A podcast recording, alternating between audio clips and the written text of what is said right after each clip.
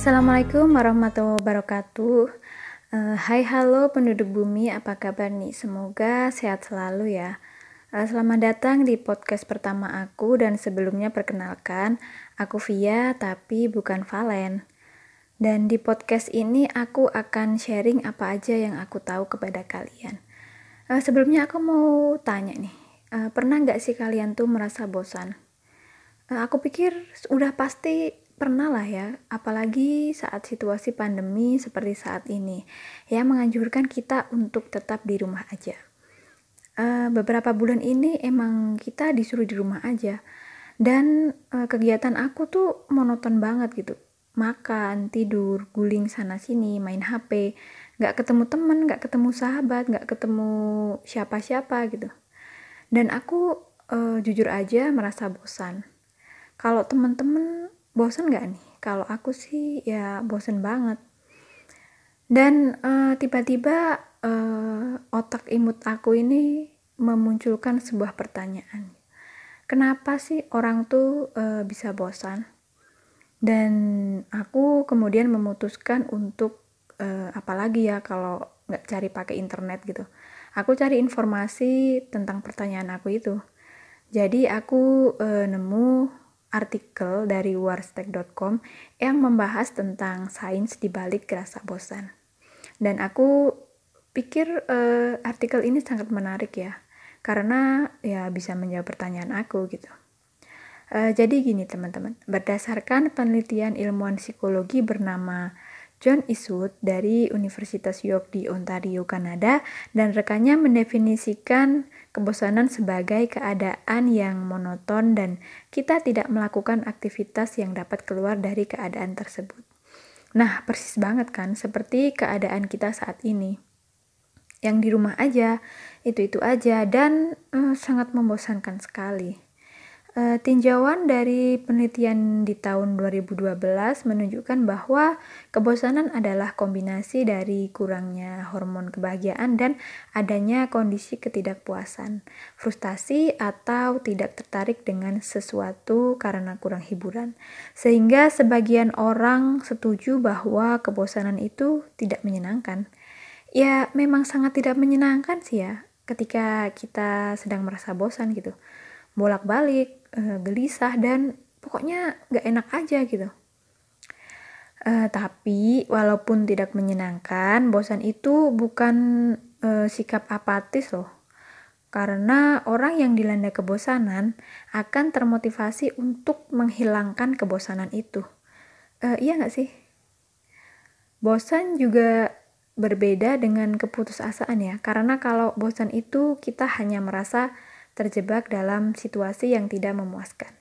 Tetapi kita masih percaya bahwa kesuksesan itu akan dapat dicapai di masa depan. Berbeda dengan keputusasaan, seakan-akan tuh kita udah stop gitu di situ, nggak bisa melakukan apa lagi. Nah, e, penyebab bosan itu juga bermacam-macam. Contohnya ketika kita melakukan hal yang monoton dan berulang-ulang, yang menyebabkan diri kita itu mengalami e, kelelahan mental. Ya misalnya kayak sekarang ini, kita harus di rumah aja menunggu kapan pandemi ini akan berakhir. Dan eh, lama-lama itu akan menjadi sesuatu yang sangat membosankan gitu. Beberapa orang emang mudah banget merasa bosan daripada yang lainnya karena mereka butuh sesuatu yang baru dan merasa bahwa dunia bergerak sangat lambat. Nah, kemudian uh, ada fakta menarik nih teman-teman dari artikel yang aku baca. Ternyata orang-orang dengan kecerdasan tinggi mudah terangsang kebosanan loh. Mereka sering kali menghabiskan waktu untuk bermalas-malasan daripada melakukan kegiatan fisik. Nah teman-teman ada nggak nih yang seperti ini nih? Bisa jadi kecerdasan kalian di atas rata-rata. Uh, kemudian uh, penelitian di Amerika mengungkapkan bahwa orang dengan IQ tinggi merasa cepat bosan karena mereka merasa semua mudah dilakukan, sehingga mereka lebih suka menghabiskan lebih banyak waktu untuk terlibat dalam pemikiran saja, ketimbang beraktivitas secara fisik. Wah, e, jadi orang-orang ini jadi pemikir yang bisa jadi e, akan merubah dunia suatu saat nanti. Dan sebenarnya banyak cara untuk mengatasi kebosanan nih teman-teman. Banyak sekali. Tapi di sini aku mau kasih tahu satu hal yang ada juga dalam artikel itu bahwa uh, untuk mengatasi kebosanan kita juga perlu mendekatkan diri kepada Tuhan. Wah. Kenapa nih? Ya karena Orang yang kekurangan sumber daya batin untuk mengatasi kebosanan secara konstruktif akan bergantung pada stimulasi eksternal. Dengan kata lain, jika kita tidak memiliki keterampilan hiburan batin, maka dunia luar pun selalu gagal memberikan kegembiraan pada kita. Jadi, teman-teman e, harus selalu ingat ya sama yang di atas. Ya, jangan sampailah kita tuh melihat dunia sangat menyebalkan dan merasa tidak puas dengan ciptaannya. Nah, kemudian kita sampai pada bab akhir yaitu bagaimana menghindari kebosanan itu sendiri, yaitu melalui pengendalian diri. E, mereka yang memiliki kapasitas kontrol diri yang tinggi cenderung tidak mengalami kebosanan karena mempunyai kreativitas yang tinggi sebagai usaha untuk keluar dari kebosanan itu sendiri.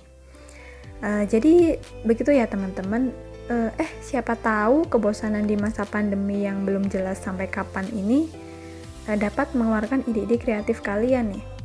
Uh, coba deh mulai berpikir positif dan melihat situasi ini melalui sisi yang berbeda. Eksplorasi kebosanan kalian uh, sebagai ajang untuk berkreasi. Siapa tahu kalian-kalian yang sedang dilanda kebosanan saat ini akan menjadi orang yang sukses di masa depan berkat rasa bosan itu sendiri tentunya. Nah, sejadi yang bosan di rumah aja, yuk kita melangkah deh, lihat dunia ini dan sambut masa depan kalian. Uh, Oke, okay, sampai di sini aja ya pembahasan kita. See you next time.